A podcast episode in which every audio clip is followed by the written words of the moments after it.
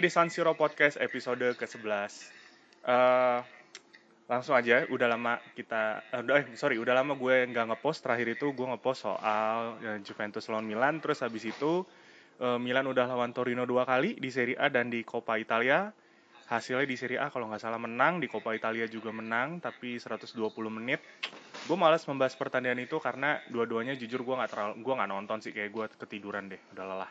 But the most interesting part adalah di episode kali ini gue mengajak teman gue. Ini sebenarnya eh, teman lama gue yang sama-sama Milanisti dan kita kenal dari cukup lama ya, dari dari muda kayak berapa tahun lalu ya berarti ya? 16 17 tahun lalu berarti ya. Ya, Tahun ini adalah pertemanan ke tahun 17. Langsung aja. Perkenalkan dirimu, Bung. eh, ya eh, terima kasih kesempatannya. Ya, gua An, ya gua Andi, eh, temennya. da- Ya, inilah seperti yang tadi udah dijelaskan ya. Kurang lebih ya 16 jalan 17 ya. 16 jalan 17 kita tahun ini. Dan ini to give it a context, kenapa pada akhirnya gue mengajak dia adalah eh, dia ini kan sesama Milanisti juga. Jadi dulu kita satu kampus dan kerjaan kita kalau lagi bosen dengerin dosen ngomong, kita tuh duduk berdua eh, sering sebelahan dan kita malah ngomongin Milan, ngomongin apa aja sih Bung? One Piece gitu-gitu ya. Tapi seringan Iya. Milan sih. Wah, gimana nih gitu pertandingan. Terus yang nggak berubah dari dulu sampai sekarang adalah eh, setiap mau tanding salah either lu duluan atau gue duluan pasti kita akan bilang prediksi gimana nih Prediksi, gitu. ya Prediksi, betul, prediksi, betul, betul. gitu. Ah, ah, ah. Prediksi gimana? Iya? Prediksi gimana, Bung? Dan dan ini ya apa gue apa gue dan dia selalu memanggil satu sama lain dengan sebutan Bung. Kita entah dari mana dosen kita ya. Ya, kurang lebih lah. Ibu. Gua rasa dari dulu di kampus kan Iya. eh, seperti itu, kayak ke bawah aja sampai sekarang kan. Ke bawah, iya maksud gue enggak soalnya sekarang kan lagi ada beberapa podcaster yang memang disebutnya Bung gitu. Oh gue ya? disclaimer Gua- dulu bahwa kita sebenarnya udah saling iya ada ada. Oke. Ada yang lagi terkenal gitu. Padahal kita dari dulu udah manggil Bung karena eh, shout out to Pak dosen kita Albert Mandagi. Dia Hmm. selalu manggil kita Bung dulu ya. Bung, coba kamu maju. Nah, dari situ. Nah, alasannya selain sesama Milanista, gue berpikir kalau gue pribadi eh, kok gue monolog agak kesulitan nih gitu. Gue monolog agak kesulitan. Kadang-kadang gue suka bingung gue mau ngomongin apaan gitu. Jadi gue pikir, Bung, ayolah temenin gue gitu. Kita ngobrol apaan kayak ya anggap aja kita balik ke kursi kuliah terus ya udah cuman bedanya obrolan ini direkam gitu aja. Ya, benar. Nah, Ben- ben- jadi Hmm, hmm.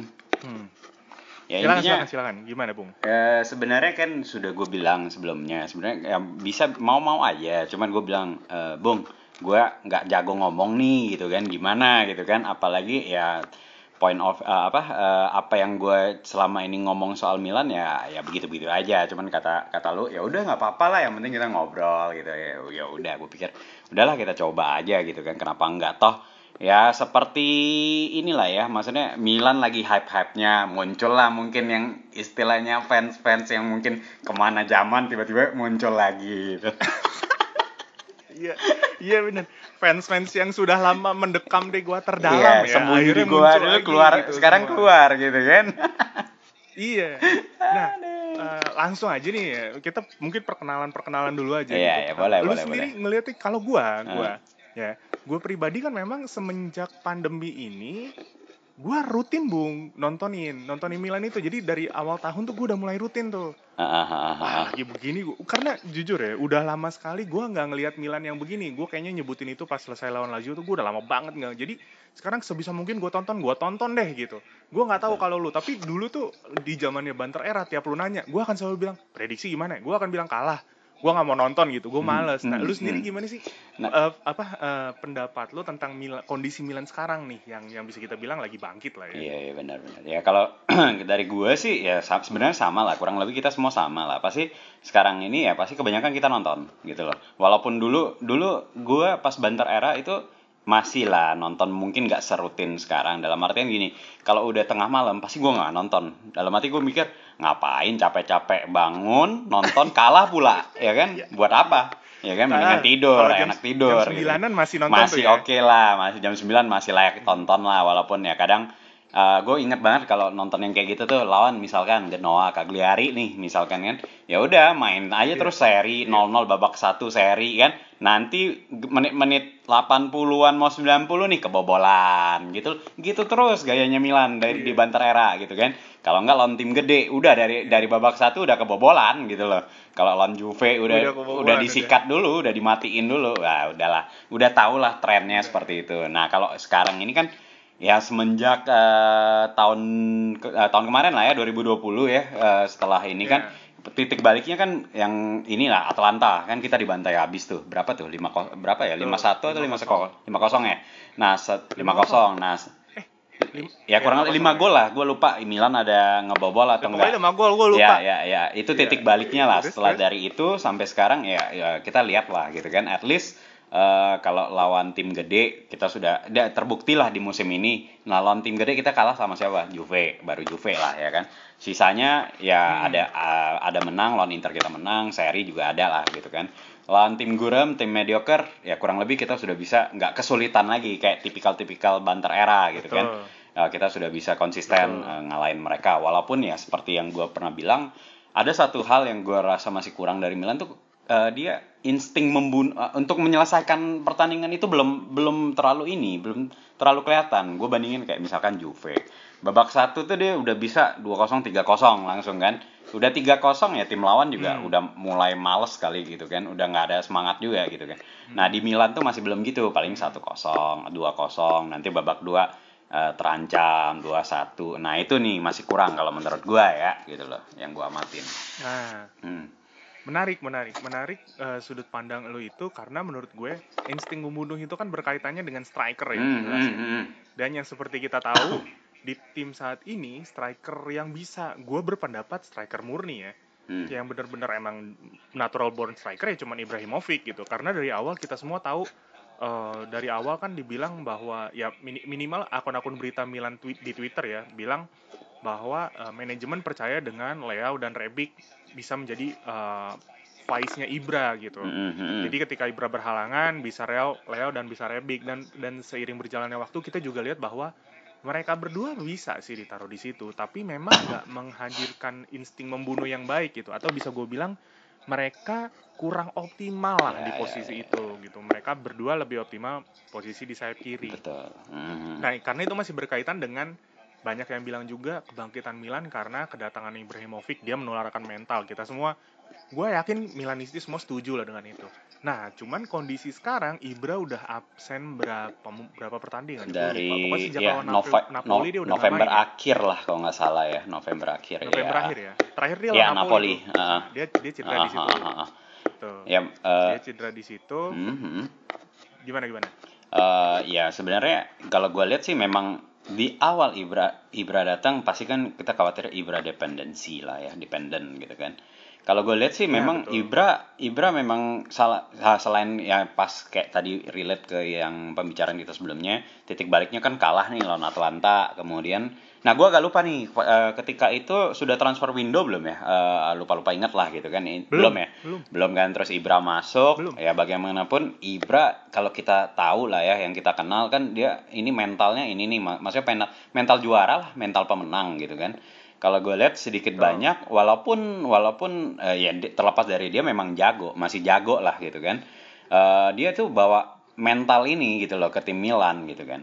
Eh, kalau eh, kita perhatikan nih kalau kalau kita sering baca at least dia selalu eh, dia itu yang paling rajin atau paling pertama datang paling terakhir pulang gitu kan.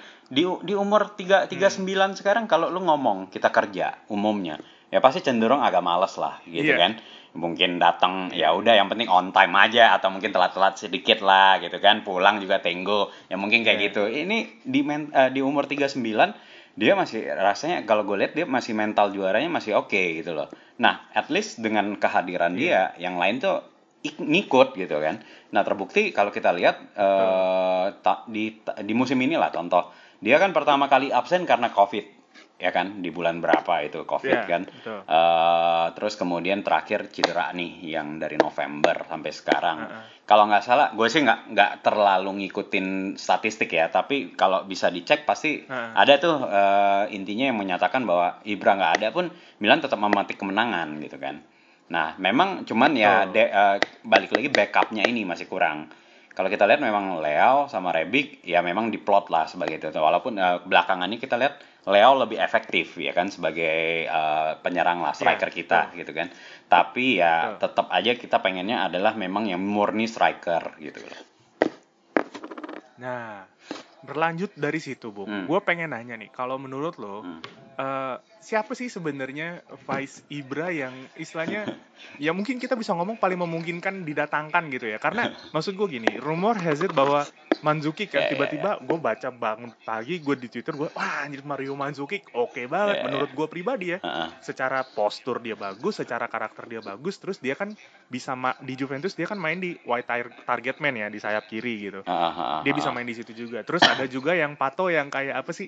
Pato kayak mantan yang gagal move on gitu yang bilang ya nih gue bisa gue bisa kok berduet sama Ibra Iya, gitu iya, will we will gonna be a deadly duo gitu Heeh. yang bahkan eh, correct me if I'm wrong Ah. terakhir kali mereka main itu kan waktu Milan waktu zamannya Milan Scudetto Betul, terakhir dan betul, musim betul. setelahnya gitu Betul. di betul. situ kan ada isu mereka nggak cocok sebenarnya kan bahwa masing-masing pengen ngegolin gitu nah dari Hmm. menurut lu sendiri menurut pandangan lo siapa kira-kira Hmm. yang yang cocok gitu untuk jadi vice-nya Ibra dan mungkin pertama yang cocok dulu belum tentu bisa didatangkan dan Betul, mungkin betul. lu punya pandangan siapa kira-kira yang punya kemungkinan didatangkan Oke. gitu. Oke, eh, kalau gua ngomong, eh, gua ini dulu deh, eh, pinpoint dulu apa yang lu bilang. Kayaknya mantan mantannya Milan bukan cuman Pato deh, yang yang yang eh, banyak ngerocos pengen balik terus, ya kan? Thiago Silva, Pato, lagi? siapa lagi mantan mantannya Milan, maksudnya ma- yang Oh. yang yang yang Ya, ngomong ya, ya. pengen balik, bukan cuman Pato kayaknya, banyak juga yang lainnya Thiago Silva Bukan. sebelumnya, gitu kan? Iya, Akhirnya gue ingat dicaplok Chelsea. Thiago Silva sebelum ke Chelsea Iya, mancing tapi kan mulu gitu kan. gaji kan Iya, balik lagi. mancing mulu dia Iya, balik lagi gaji lah pasti. Milan bukan tim tim tim eh, bukan tim kaya lah sekarang ya. Dikit-dikit mau beli pemain Iya. atau apa eh, nawar paling rendah gitu kan. Kalau nggak loan with option to buy hmm. gitu kan. Oke, eh, dry loan gitu ya. Iya. Eh, kalau ngomong soal deputi, maksudnya backupnya si ah, nah ini ini agak tricky nih. Kalau ngomong backup, ya pasti gue ngerasa sih Manjukic the best lah ya, the, the best option gitu loh. The best option karena apa? Ya, Karena betul. eh, Manjukic ya walaupun dia sudah berumur tahun ini kalau nggak salah 35 yang gue baca ya. Eh, tapi dia 35 dia Ah, dia dia itu termasuk complete forward lah ya. Eh men, apa dia Hmm. dia juga sering sebelum sebelumnya dia sebelum sebelumnya sudah sudah se- seorang juara lah kalau gue lihat kan. Eh, kemudian dia itu juga apa eh di sebelumnya kan di Juve. Warrior Warrior lah di Juve di Juve eh, sudah ada pengalaman di Bung. sudah ada pengalaman di Serie A ya kan. Terus kalau ka- lihat karakter dia main keras juga kalau kita lihat tuh. Ya kan? Di Juve udah, kemudian the Bayern Munchen ya gitu kan sebelumnya juga ada dia di situ. ya mungkin Nah, kalau ngomong selain Manjukic siapa? Pato. Oke, kalau gua rasa sih kalau kita nggak dapat Manjukic ya Pato, why not lah gitu kan? At least kalau lu compare zamannya tadi lu tanya ketika terakhir dia sama Ibra kan yang terakhir kita Scudetto tuh, ya kan? Tapi ketika itu kan ya, si Pato Hmm. pun ininya apa namanya eh eh, dia masih ngincar posisi striker utama lah Gol. istilahnya ya kan kadang dimainkan bareng ketika Iya. eh, gue Iya. ingat gue seperti itulah kalau sekarang kan gue ngerasa sih dia oke aja kenapa dia sudah Hmm. tahu kondisi kalau dia itu sebagai ya pe- penghangat bangku cadangan lah gitu kan at least ketika eh, dibutuh dia siap gitu kan gue paling cadangan. eh, penghangat bangku ya, mem- memang iya kalau Ibra Pit siapa op- eh, pasti kita milih Ibra dong ketimbang Pato gitu kan cuman yang gue Iya, paling bener, bener. Ah, ah, ah. paling ingat Cuma maksud gue gini, Apa tadi gue ketawa karena gue jadi inget nggak gue keinget momen kita diskusi di di ruangan kelas karena kita selalu pakai bahasa-bahasa yang wartawan bola banget lah. Penghangat bangku cadangan pemain mediocre gitu. Itu yang gue nggak dapet kalau gue monolog bung. Makanya gue ayo dong temenin gue gitu. Lanjut lanjut lanjut. Sorry Oke. intermezzo dikit. Oke oke lah- oke. Ya me- memang lah kenyataannya ya dia bench warmer. Ah, asik kan. Nah jadi gini eh maksud gue Ya. gini kita paling inget kalau gue ya selama ini gue paling inget Pato tuh apa menangnya? Hmm. speednya kalau gue bilang gitu loh. Itu yang masih masih Speed, ya gue nggak tahu. Gue sudah Ya. nggak ngikutin eh, dia umur berapa pun 30-an gue gua rasa ya 31 32 kali ya. Gue juga nggak tahu lah berapa tiga udah. puluh tiga satu kayaknya Eh, gua rasa sih feeling 3-1. segitulah. Ah, si- feeling Terus? segitulah. Maksud gua ya at- eh, gua sih Hmm. ngerasa dia masih punya lah hal itu ya. Walaupun gua nggak sudah nggak ngikutin gitu kan. Seperti apa dia sebelumnya. Mm-mm. Terakhir di mana sih Liga Cina apa Liga Kat- Liga Qatar ya? Atau mana lu lu nggak? Liga Cina Liga dia. Cina ya. Nah, oh, Liga Cina. Liga Cina ya. Jangan lupa dia pernah ke Chelsea, Bung. Iya pernah pernah pernah. Nah tapi Lupa gagal kan gagal gagal juga soalnya kan biasa-biasa aja kan. Nah, Gagal. Iya. Makanya gue rasa ya Iya. kalau memang kita nggak kalau first option gue tetap pilih Manjukik ya kan. Tapi kalau misalkan nggak Manjukik nggak dapat Hmm. ya udahlah ambil aja si Pato. Oke. Tapi kalau misalkan lu tanya sebenarnya Hmm. siapa sih yang gue pengen gitu kan? Kalau gue gua beneran pengen itu Iya. sebenarnya ada satu sih. Eh, si Icardi. Siapa? Icardi. Oh, tapi kan dia di PSG. Gimana? Dia kan di PSG gitu. Maksud gue, dia kayaknya di PSG inti gak sih? Eh, sekarang kalau gue sih nggak gitu ngikutin ya, cuman kan sekarang PSG sudah ada Moiskin Hmm. juga, ya kan? Si Kin kan lumayan lah Ya, kalau ya. gue lu perhatikan dia Ya, ya, konsisten tahu. ngonggolin. Nah, gue nggak tahu apakah mereka main bareng atau si Icardi ya di Hmm. apa eh, backup cadangan atau gimana. Cuman eh, dari kalau nggak salah sebelum Kin Moiskin Hmm. datang pun si Icardi ini ya nggak terlalu sering inti setahu gue ya. Eh, nah jadi gue rasa kalau Iya, sebenarnya apalagi Betul, betul. dengan record kalau pemain-pemain Inter pindah ke Milan relatif pada sukses-sukses, wah ini peluang bagus nih Icardi gue bilang kan. Gue rasa sebenarnya Icardi Iya. cocok gitu loh. Ya cuman ya gitulah concernnya mungkin The problem, ya, Eh, the problem with Icardi adalah pertama gaji gue ya. betul itu Kedua, dia. mau nggak dia jadi cadangan Betul. gitu. Karena kan statusnya main man-nya tetap Ibra nih gitu. Cuman memang iya. itu terlintas di pikiran gue bahwa wah ini or at least misalnya gini, misalnya Ibra memutuskan pensiun nih, kan dia belum tahu Ah. nih perpanjang apa enggak. Dari ya misalnya Ibra, gue memutuskan pensiun, terus Ah. Icardi balik dari loan, kan nggak kepake juga. Boleh Ah. lah dikulik-kulik sedikit lah. Mematikan itu striker, Bung. Ya, makanya sebenarnya eh, tan- ya halo. Hmm. Ya tantangannya sih seperti itu sih. Eh, Ya. Pertama pasti gaji lah gitu kan. Kedua ya sebenarnya eh, kayak tadi lu bilang gitu kan, mau apa enggak gitu kan. Cuman mungkin dia kalau gua rasa sih Ikar ya gimana lah ya. Kalau lu perhatikan Icardi di Inter, waktu itu kan dia kapten gitu kan. Dia perform menurut gua Ya. dia cukup sangat bagus lah sebagai eh, dia striker striker andal sih menurut gua cukup komplit sih. Betul, betul. Heeh. Jadi gua rasa kalau misalkan lu nanya gua sebenar sebe- sebenarnya siapa sih yang eh, gua pengen itu, gua lebih pilih Icardi gitu loh. Hmm. Nah, cuman ya oke itu Nice juga. sesuatu yang mungkin agak susah ya. Oke, kita go dengan opsi Hmm. yang ada. Ya kan? Sekarang yang ada Iya. adalah yang rumor-rumornya Manjukik, terus kemudian Pato. Kalau misalnya di antara dua itu gue pilih Manjukik. Nah, yang menariknya kapan ya Iya. gue baca Costa Curta ada ngomong gitu kan. Eh, kalau kita mau rekrut Manjukik lebih baik juga menanyakan pendap eh, apa ide ini ke Ibra. Oh. Which is menurut gue, Gua baca ya, ya, gua men- baca itu. which is menurut gue, iya sebelum ini gue kepikiran juga bagaimana dengan tanggapan Ibra mengenai itu gitu loh, ya kan? Itu menarik sih menurut gue. Hmm. gue ya gue nggak tahu ya cuman kayaknya kalau apa ya gue yakin sih dia nggak bakal nggak bakal bermain ya tapi so tahu gini gue sih tahu Ibrahimovic banget cuman maksud gue kan dia kan memang berkali-kali bilang ya bahkan dari ketika dia datang udah mau akhir-akhir musim lalu dia Hmm. bilang kalau gue main dari awal Iya iya. kita pasti eh, Scudetto Iya, iya, gitu iya. dan dia Hmm. bilang tim segede Milan nih nggak nggak ini apa nggak nggak nggak cuma mengincar European League gitu Iya iya. iya. kita harus ngincer Scudetto dan itu selalu dia bilang walaupun berkali-kali si Pioli atau kalau lo baca wawancara-wawancara pemainnya eh, selalu bilang Mr. Pioli bilang bahwa kita harus melihat satu pertandingan ke pertandingan lain tapi yang selalu ngomong enggak gue aim Scudetto ke Ibra gitu jadi menurut gue ya pendapat gue kayaknya as long as si Mandzukic mau datang sebagai backupnya dia Aha. dan dia tahu kualitas Mandzukic Ah. gitu kan menurut gua dia nggak akan keberatan sih Iya iya. menurut gua ya gitu. Bener. karena gue Hmm. pribadi ngelihat si Milan nggak mengendur juga nih di dua kompetisi yang lain nih di Hmm, Eropa, hmm, hmm. Liga Eropa sama di Copa kok kayaknya nggak mengendur gitu jadi eh, mustahil lah main tiga kali sehari dan kita ngandalin pria 39 tahun gitu iya iya. bener. sekuat apa pun dia ya gitu sih Iya benar. ya menarik menarik menarik ya kita sama-sama berharap Mandzukic deal ya Iya betul. persoalan dia belum ya, ya persoalan dia nggak main udah enam bulan apa berapa bulan nah bisa lah itu ya udahlah gitu kan maksud gua eh, lebih baik daripada tidak sama sekali. Karena kita nggak bisa menutup mata juga bahwa pertama kita nggak punya duit banyak untuk mengincar striker striker yang yang punya nilai tinggi gitu contohnya. Mhm. ya kan? Karena kan sempat ada terbersit siapa sih pemain itu yang Skamaka, Skamaka. Skamaka gitu. Tapi kan begitu tahu diincar Milan Sassuolo-nya masang harga Iya, tinggi gitu. maka- gitu. Jadi kayaknya ah ya udahlah Op- saat ini opsi-opsi jangka pendek aja Betul, betul, betul. Menurut setuju, gua setuju, sih, Setuju. ya. Setuju lah kalau itu. Iya Mhm, gak sih? Betul, setuju. Betul. Terus ini kan kita take-nya hari Minggu ya, tanggal 17 ya sore-sore nih.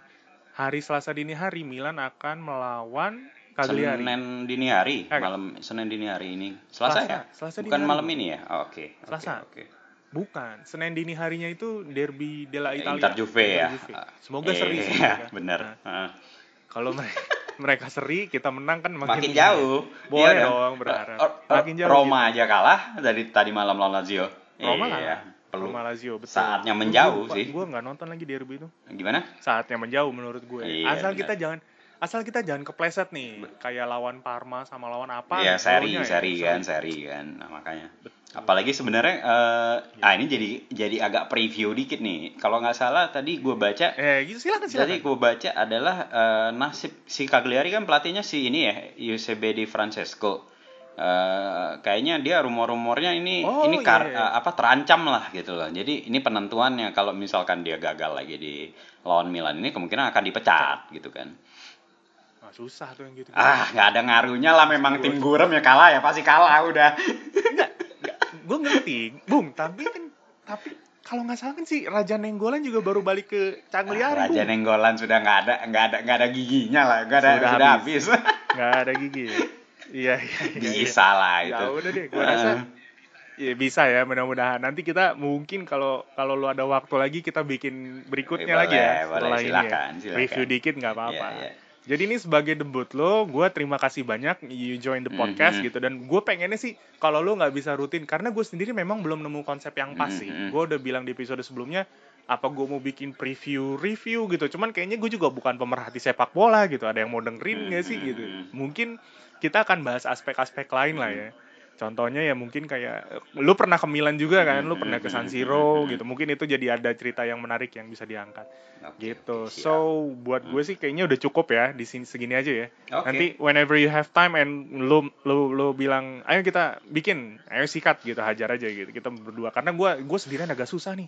Gue salut sama Kasamilan podcast tuh dia bikin 200an episode ngomong monolog sendirian. tuh. Tapi emang tuh orang hebat sih.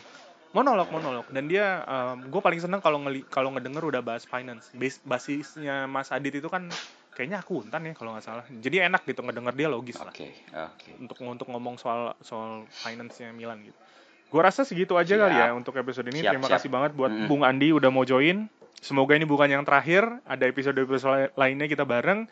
Eh, segitu aja dari gue Benny eh, hostnya di San Siro Podcast ini. Terima kasih buat kalian semua yang udah dengerin. Gue cek di Anchor itu kayaknya eh, average average listennya listenernya udah 69 orang. Gue nggak nyangka. Eh, terima kasih banyak udah dengerin. Terima kasih banyak juga udah follow di Twitter. Eh, buat kalian yang mau diskusi silahkan aja di mention atau kira-kira enaknya bahas ini gitu ya silahkan gitu asal jangan manggil gue admin lah gitu nggak enak lah didengarnya gue nggak terlalu suka gue pernah dipanggil min bahas ini min atau min gini gitu males banget dengernya Hmm, Gitu. hmm, gue rasa segitu aja makasih banyak Andi Oke, Eh, thank have you, a nice you. weekend ini hari. Minggu terima kasih udah join atas pandangan-pandangannya Eh, tetap sehat ya Bung ya Ya. karena eh, Betul, betul, buat kalian juga yang dengerin tetap Mm, sehat mm. Eh, coronavirus still there malah makin tinggi Eh, gua Benny dan teman gue di ujung sana Andi. Hmm, Andi hmm, Wirianto hmm. Ya oke kita cabut dulu. Ciao